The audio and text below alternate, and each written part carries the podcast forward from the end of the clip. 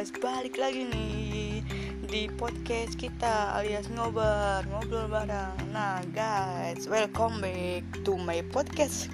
Oke, okay, jadi gimana kabarnya? Pada akhir pekan ini besok udah mulai hari Senin. Kayaknya hari dan waktu itu cepat banget ya, kayak nggak kerasa gitu. Oke. Okay jadi untuk yang menikmati waktu weekendnya ya kan? Puasin deh. Sebelum besok beraktivitas kembali dan bekerja kembali seperti semula. Tetap mengikuti protokol kesehatan dari pemerintah ya. Oke untuk sebelum jauh lebih lanjut untuk klik podcast ini atau mendengarkan podcast ini kapan pun dan di mana pun kalian berada izinkan gue untuk selalu mengikuti atau selalu menjaga kesehatan kalian di luar tanah karena ini penting banget buat diri kita. Jangan lupa untuk, untuk selalu memakai masker mencuci tangan menjaga jarak dan menjauhi kerumunan. Oke kita langsung masuk aja ke topik pembahasan kita pada hari ini. Oke jadi ini pasti kalian dan atau mungkin di antara di antara kalian tuh kayak tahu tentang uh, fenomena atau tentang perihal ini. Kayak wow ini bener-bener mind blowing banget gitu. Kayak ini bener-bener uh, topik pembicaraan yang terbilang cukup serius. Kenapa gue bilang kayak gini? Karena ini bener-bener mind blowing banget guys gitu. Jadi ini pasti yang punya TikTok pasti banyak lah ya. Di uh, kalangan masyarakat kita di Indonesia mulai dari anak kecil orang dewasa ya kan anak muda. Oke okay.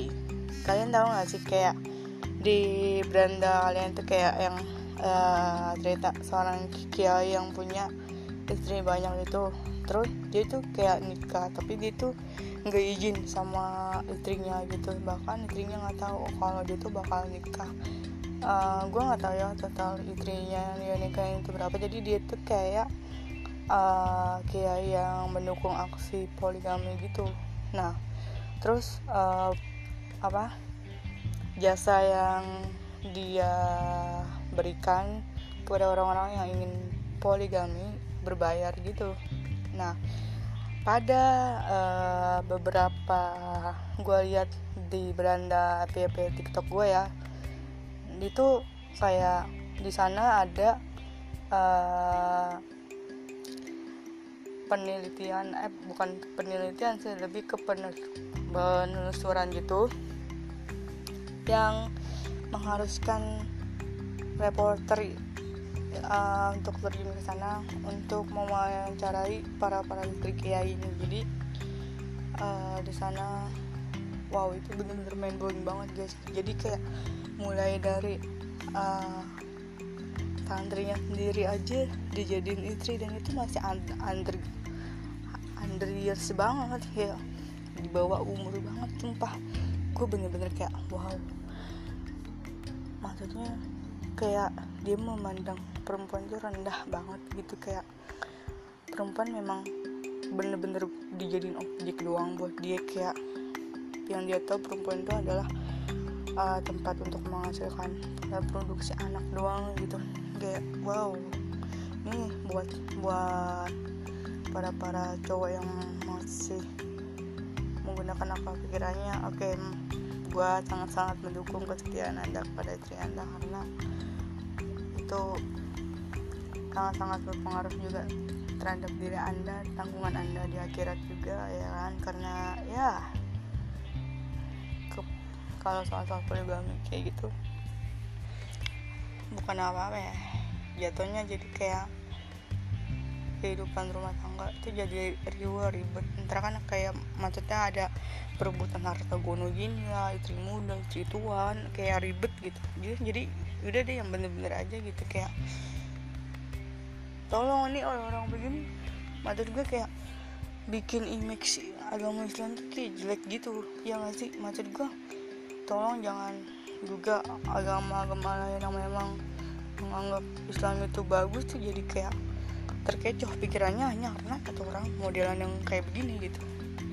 Jadi apa orang-orang di luar negeri juga mikir bahwa Islam banyak yang bercadar banyak yang apa ya seperti itu gitu.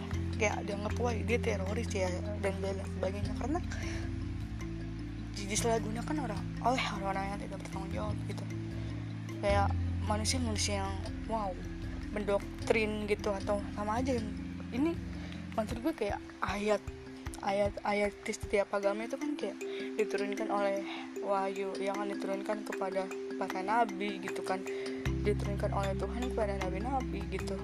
Dan terus ini ya yang membuat revolusi atau perubahan manusia itu sendiri kayak wow ini benar-benar udah sakit banget gitu. Maksud gue kayak pemikiran manusia-manusia kayak gini yang justru berbahaya karena kenapa aku bilang berbahaya? Karena ini mendoktrin pemikiran masyarakat itu terutama pasti yang menjadi sasarannya adalah kaum generasi muda.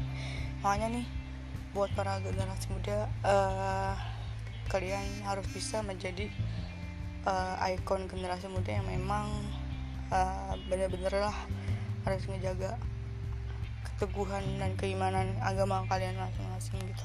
Jadi guys jangan ngebikin segala sesuatu yang bagus itu menjadi jelek. Maupun itu berbentuk agama ataupun di luar di luar dari agama gitu kan.